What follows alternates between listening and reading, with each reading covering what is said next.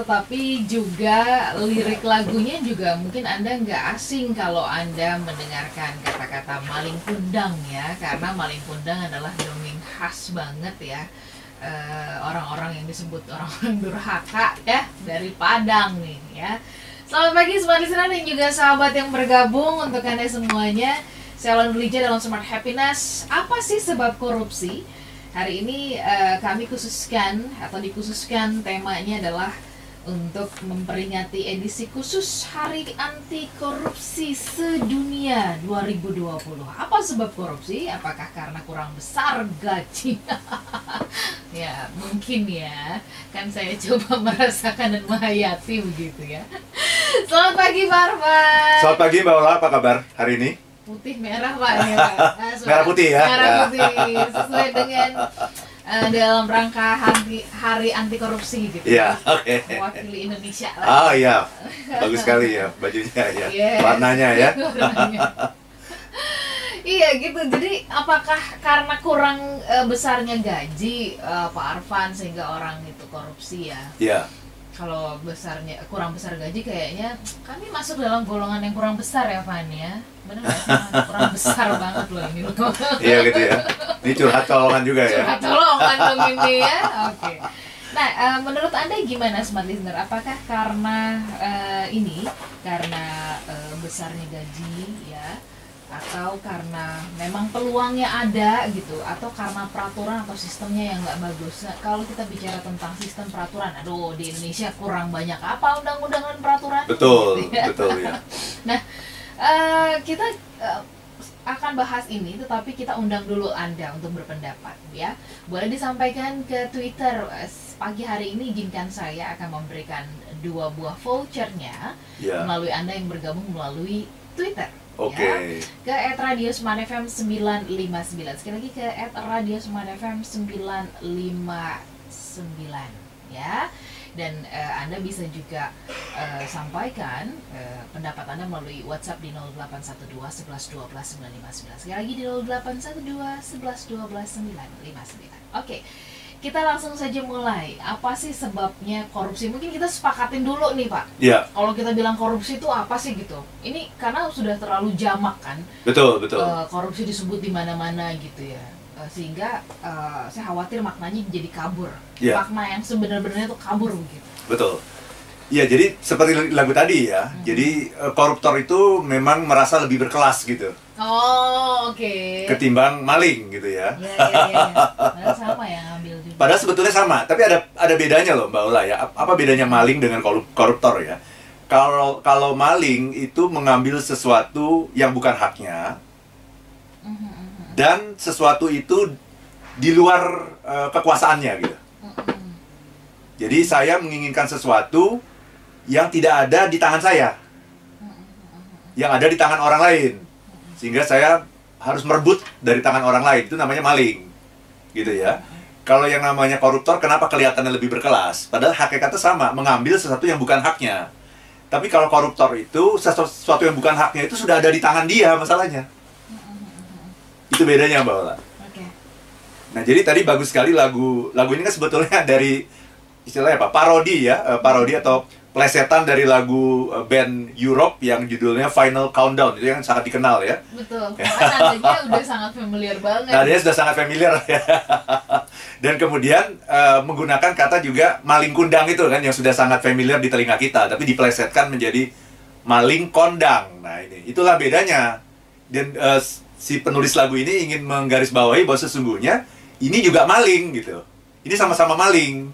Cuman koruptor itu sering kali merasa kelasnya lebih tinggi gitu.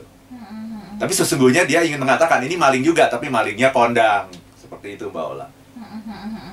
Jadi Oke. perbedaannya itu kalau maling itu maling yang sebenarnya itu adalah dia mengambil hak orang tapi sesuatu itu ada di luar dia gitu jadi dia harus merebut dia harus mencari cara gimana caranya eh, mendapatkan itu gitu. Karena itu bukan dalam kekuasaannya gitu.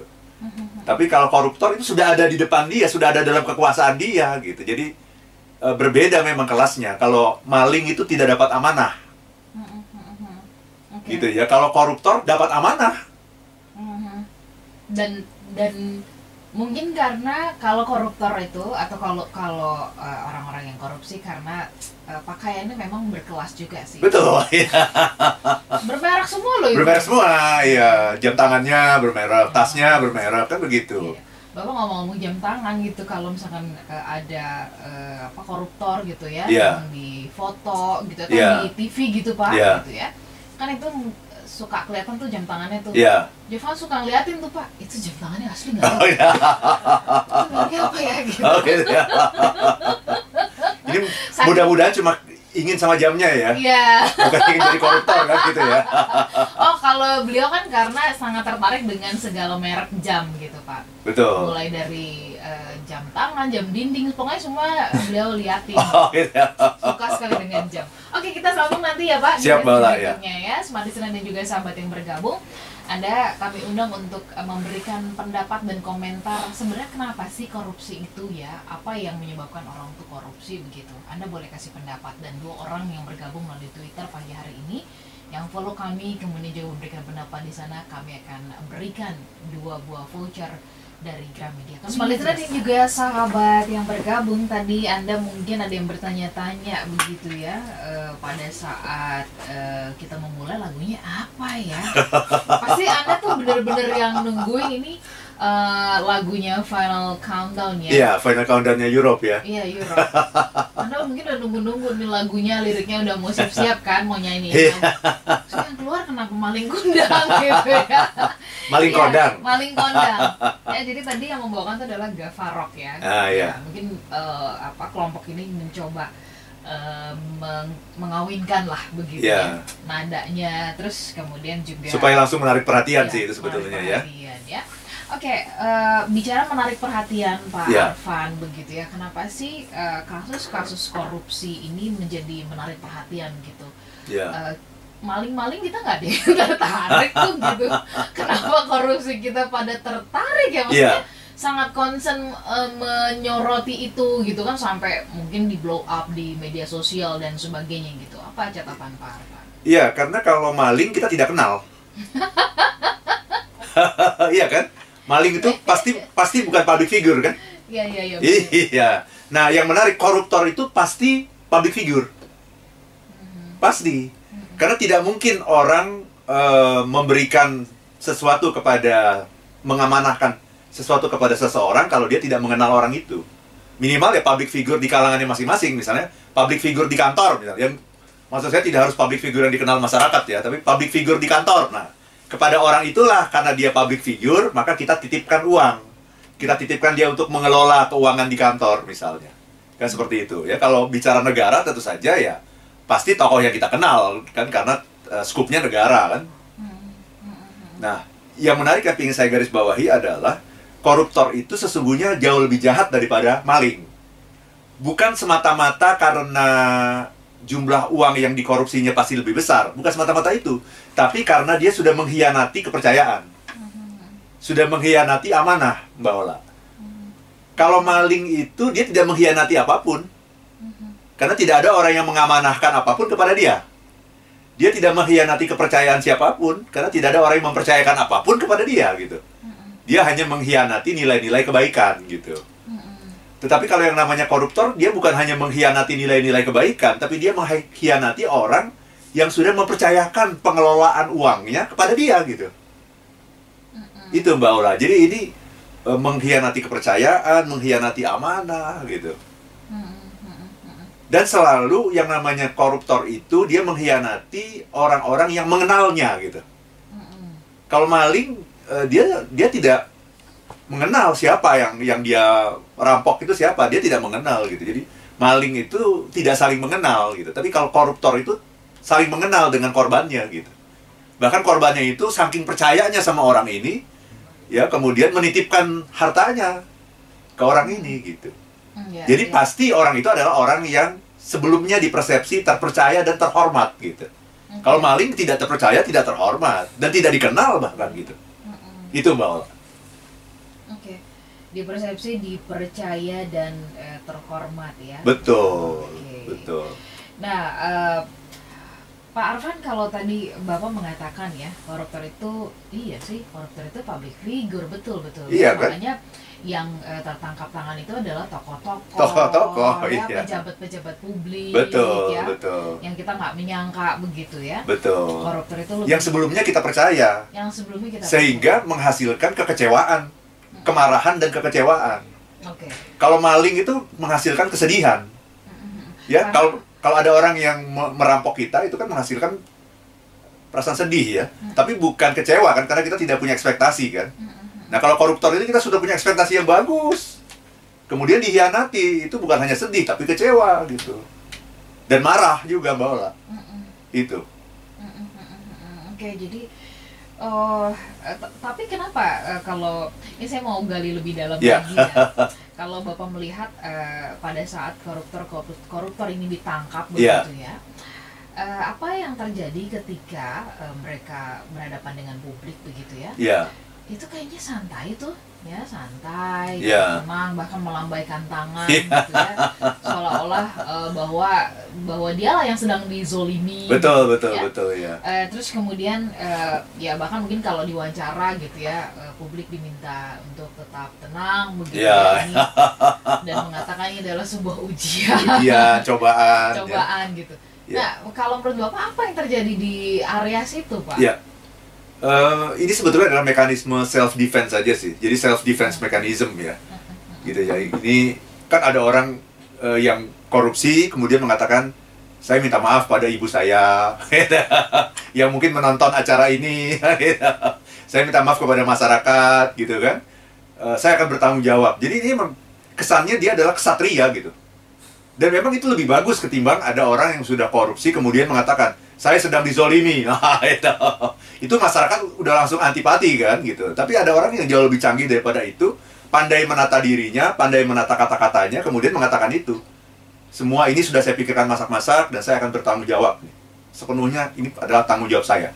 Nah, itu kan kesatria se- sesungguhnya. Jadi dia mencitrakan dirinya sebagai seorang satria gitu. Itu jauh lebih bagus ketimbang orang yang kemudian ini adalah sebuah konspirasi wah gitu untuk menangkap saya. Itu menimbulkan antipati gitu. Jadi ini sesungguhnya adalah self defense mechanism gitu.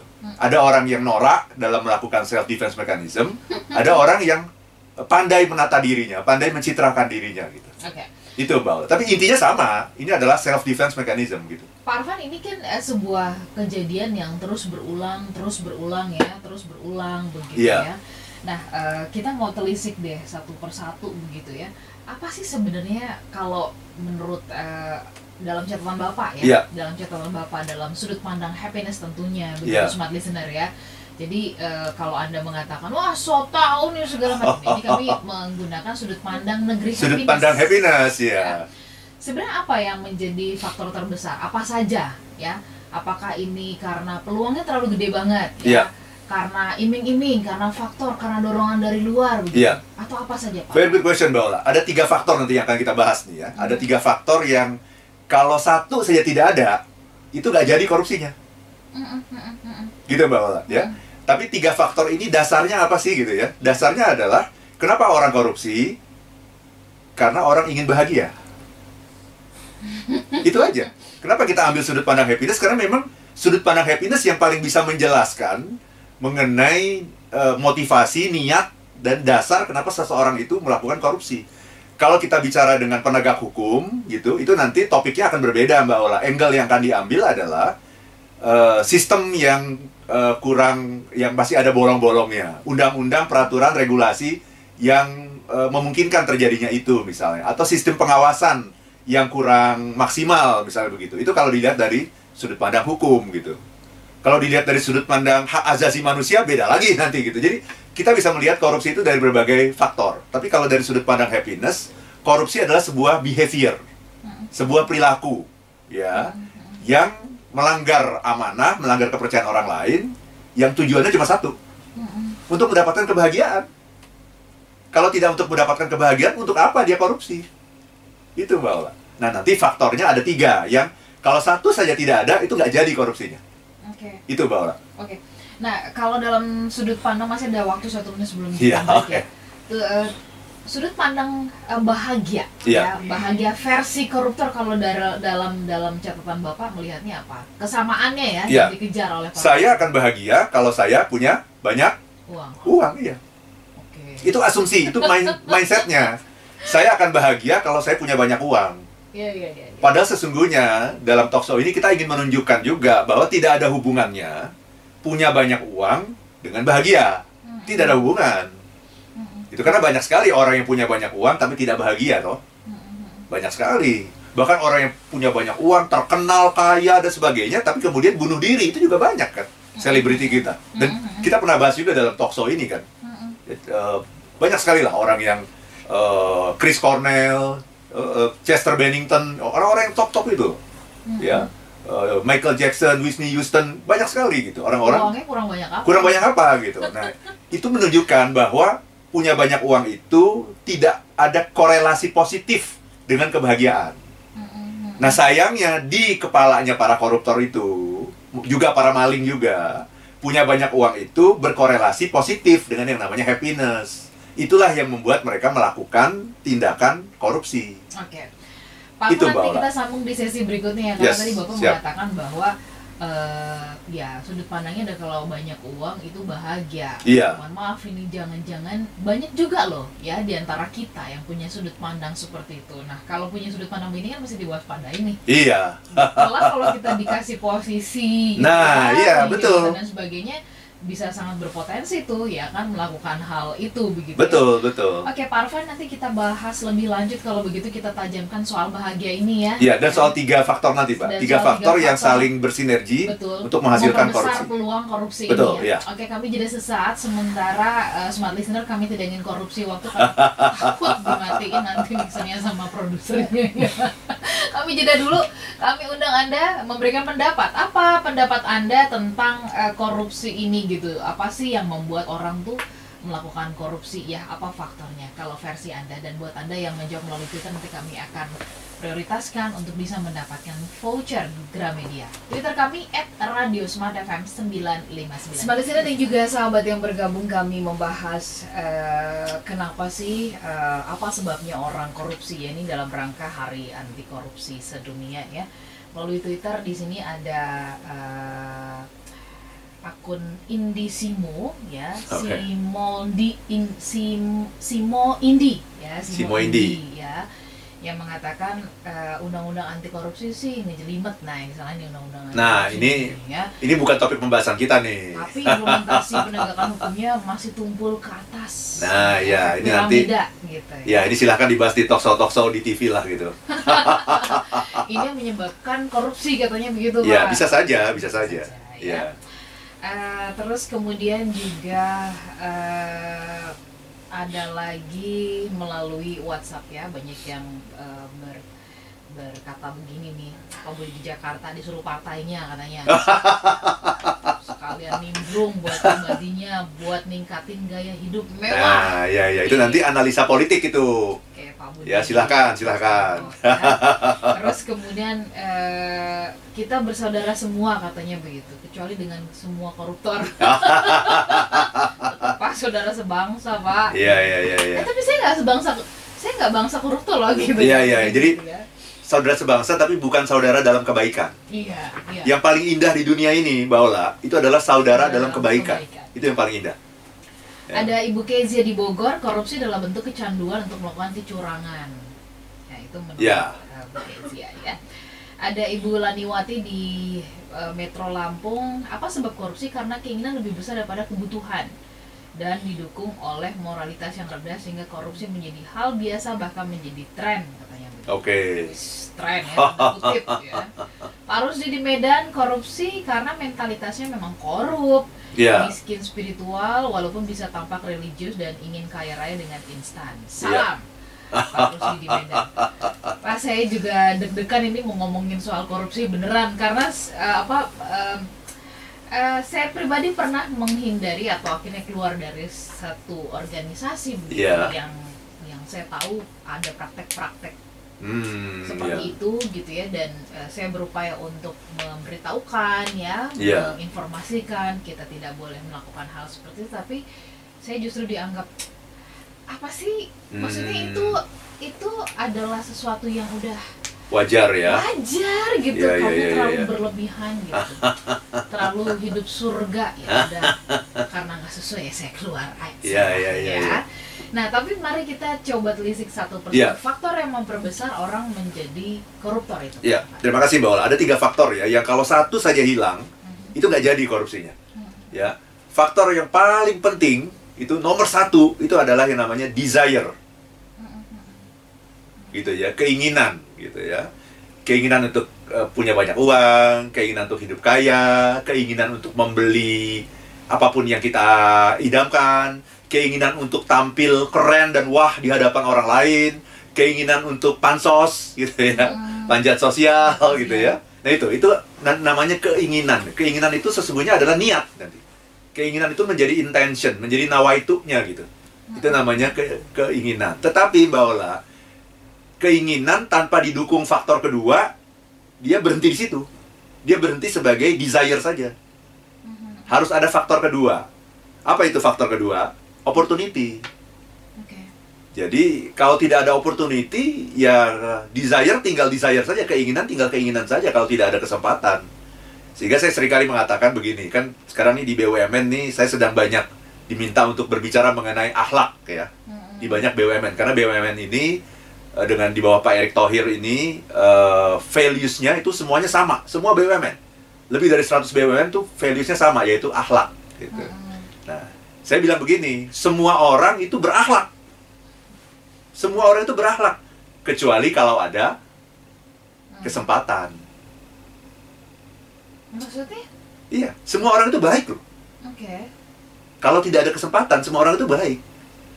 Kalau tidak ada kesempatan, semua orang itu berakhlak. Semua orang itu berintegritas. Kalau tidak ada kesempatan. Jadi yang membuat orang itu ujian dari setiap orang itu adalah kesempatan. Orang yang pingin mencuri, kalau nggak ada nggak ada opportunity gimana? Baik nggak dia? Mhm. Baik. Tapi dia bisa saja kalau memang dia sudah berniat memang ingin mencuri, dia bisa menciptakan kesempatan. Ya, tapi tidak semua orang kan bisa menciptakan kesempatan kan? Kan ada posisi, ada level juga kan untuk bisa menciptakan Iya, kesempatan artinya gitu. kesempatan itu ada, tapi kan hmm, artinya eh, kalau seperti ini kita mengkambing hitamkan kesempatan nggak sih gitu ya? Karena kan pa- pada akhirnya kan keputusannya ada di tangan kita begitu. Betul, kan? betul. Ya, ya makanya keputusannya itu adalah desire itu. Mhm. Jadi faktor pertama itu sudah merupakan keputusan itu, desire itu. Ya, yang namanya niat itu, itu kan kan adalah desire, keinginan gitu. Tetapi keinginan itu tidak pernah akan berbuah kalau tidak ada yang namanya kesempatan. Mhm. Itu, Mbak. Jadi mau ingin seperti apa pun ya kalau nggak ada kesempatannya ya nggak ada nggak akan berbuah menjadi korupsi gitu. Hmm, pantesan Bang Napi bolak-balik bilang begitu ya. Apa katanya? Kejahatan itu tidak melulu karena ada niat si pelaku, Iya, tapi karena ada kesempatan. betul. Iya, Betul. iya. Tapi dasarnya adalah niat. Karena walaupun ada kesempatan, kalau dia tidak berniat gimana? Ada kesempatan. Ada banyak loh orang yang punya banyak kesempatan juga karena posisinya, karena jabatannya, tapi dia tidak tidak ingin gitu. Hmm. Tapi kan itu bisa saja muncul nggak sih pas sebaliknya gitu ya? Iya. Eh, Nggak niat, tapi kesempatan itu selalu Nah. datang gitu ya. Kan eh, bisa saja ini seperti kayak orang yang punya tembok eh, pertahanan, tapi lama-lama kalau digempur terus dengan kesempatan-kesempatan seperti itu, ya roboh juga gitu. Nah, itulah makanya ujiannya, ujian dari orang itu adalah kesempatan. Karena kalau tidak ada kesempatan, Mbak Ola, seperti yang saya bilang tadi, semua orang itu baik kalau tidak ada kesempatan. Kita tidak bisa membedakan gitu mana orang baik mana enggak gitu. Sampai kesempatan itu. Sampai kesempatan muncul. Orang yang baik, dia tidak tergiur dengan kesempatan itu. Tapi orang yang memang sudah berniat, ya ya sudah gitu. Bahkan dia juga tidak ada kesempatan pun dia akan mencari kesempatan gitu. Tapi faktor utamanya tentunya adalah desire-nya itu. Jadi kalau desire tidak bertemu dengan kesempatan, dengan opportunity, dia tidak akan membuahkan korupsi. Hanya tinggal dalam desire saja angan-angan. Wah, coba ya kalau saya bisa korupsi. Gitu. Hmm. Tapi tidak akan berbuah menjadi sebuah korupsi. Wah, nggak ada kesempatannya. Dan banyak juga mungkin orang yang seperti itu gitu karena posisinya eh, sangat di bawah gitu ya dia tidak nggak ada kesempatannya gitu sehingga dia hanya bercita-cita bermimpi untuk menjadi orang yang kaya gitu. Tetapi ketika ada kesempatan, nah itu kan itu baru merupakan sebuah ujian. Anda orang yang benar atau nggak berakhlak atau tidak. Jadi semua orang itu berakhlak, Mbak, kalau tidak ada kesempatan. Semua orang itu berintegritas kalau tidak ada kesempatan. Semua orang itu baik, beriman kalau tidak ada kesempatan gitu. Hmm. Jadi makanya dalam agama kan selalu dibilang, nggak cukup kamu bilang kamu beriman tuh nggak cukup. Iman tuh harus diuji. Hmm. Dan ujiannya adalah kesempatan. Ya, ya. Itu Mbak Ola. Nah, jadi sudah sudah dua ya. Ada Desire, desire, ada opportunity. Tetapi, nah ada ada lagi. Apakah desire dan opportunity akan menghasilkan korupsi? Belum tentu. Ada satu faktor lagi yang sering dil- dilupakan orang. Hmm. Itulah yang namanya rationalization. Hmm. Kenapa? Karena orang yang sudah berniat, nih, saya sudah berniat korupsi, ketemu kesempatan. Tapi kemudian muncul yang namanya hati nurani. Nah, itu dia. Tuhan itu maha besar. Tuhan itu memberikan pengaman pada diri manusia, itu yang namanya hati nurani. Dan hati nurani akan mengatakan, kamu salah, ini nggak benar, kamu orang jahat. Dan itu akan menyiksa kita, Mbak Ola. Dan orang yang korupsi itu tahu, tahu persis gitu bahwa eh, suara-suara seperti itu di dalam dirinya akan menyiksa dia. Menyiksa dengan perasaan apa? Perasaan bersalah. Oh, rasa bersalah itu luar biasa, Mbak. Luar biasa dahsyatnya itu me- memaki-maki kita sendiri itu. Kita memaki diri kita sendiri itu gitu. Dan tidak akan bisa bahagia. Nah, karena itu tidak cukup, Mbak. Sudah ada desire, sudah ada opportunity, tidak serta-merta menghasilkan Korupsi. korupsi. Dia harus me- membuat yang namanya rasionalisasi dulu. Hmm. Toh Gitu. kan semua orang juga melakukan. Nah, gitu ya itu. Eh, toh ini juga ini kok eh, demi menyelamatkan ini. Betul, iya. Ini kan juga untuk keluarga. Anak-anak saya kan perlu sekolah. Oke. Itu rasionalisasi. Yang akhirnya karena rasionalisasi itu, maka suara hati nurani itu jadi ditutup. Gitu. Jadi cara menutup hati nurani itu dengan cara rasionalisasi. Eh, Itu, toh, toh saya juga nggak melakukan ini sendiri kok ya. Betul. Wah, Toh ini juga nggak seberapa. Coba lihat tuh orang-orang itu kan jauh lebih besar. Ini kan nggak seberapa. Hmm, hmm. Ya, Nah, itu, ini, itu, itu. ini ini juga tim kok yang mengerjakan. Ini juga kan demi tim nih. Soalnya kita emang bu- budget kita kurang. Kalau bukan dari sini dari mana lagi? Iya iya betul betul. Kemarin juga yang dikeluarkan juga gede banget lagi. Betul. Gitu ya, perlu diganti. Atau mungkin penghasilan saya kurang. Ini kantor ini tidak adil, tidak fair. Masa komisi saya cuma segitu misalnya. Saya kerja udah 36 jam sehari loh. Nah, iya. Terus nggak ada tambahan. Ya nggak apa-apa lah sedikit. Toh ini juga kan tidak berlebihan gitu kan. Sekedarnya saja. Dan ini juga buat kepentingan semua. Ada loh orang-orang yang yang mengatakan seperti itu gitu bahwa ini eh, Pak eh, nanti kalau Bapak jadi pembicara di sini, ini tolonglah bantu bantu kita ini untuk menyediakan budget nanti gitu. Mm, mm, mm. Ini bukan buat siapa-siapa, ini untuk tim tim kita sendiri. Nanti kalau ada yang sakit, kita pakai dari budget itu gitu. Mm, mm, mm, Misalnya begitu. Jadi itu merasionalisasikan. Dengan merasionalisasikan itu, maka rasa bersalah menjadi tertutup. Oke. Gitu. Nah, tanpa adanya rasionalisasi ini, desire dan opportunity saja tidak akan membuahkan korupsi. Kenapa? Karena orang juga tidak mau diliputi rasa bersalah. Karena tadi tujuan dari korupsi sesungguhnya adalah untuk bahagia. Betul. Nah, kalau dia feeling guilty, dia tidak akan bahagia, akan dikejar-kejar dosa. Nah, itu berusaha dia tutupi gitu. Mm, mm. Dia cari dengan rasionalisasi.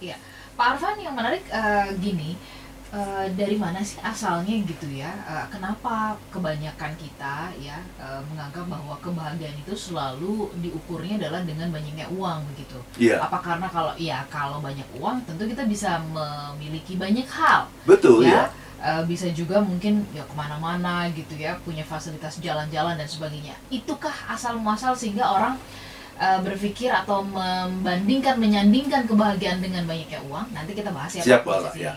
yang terakhir ya.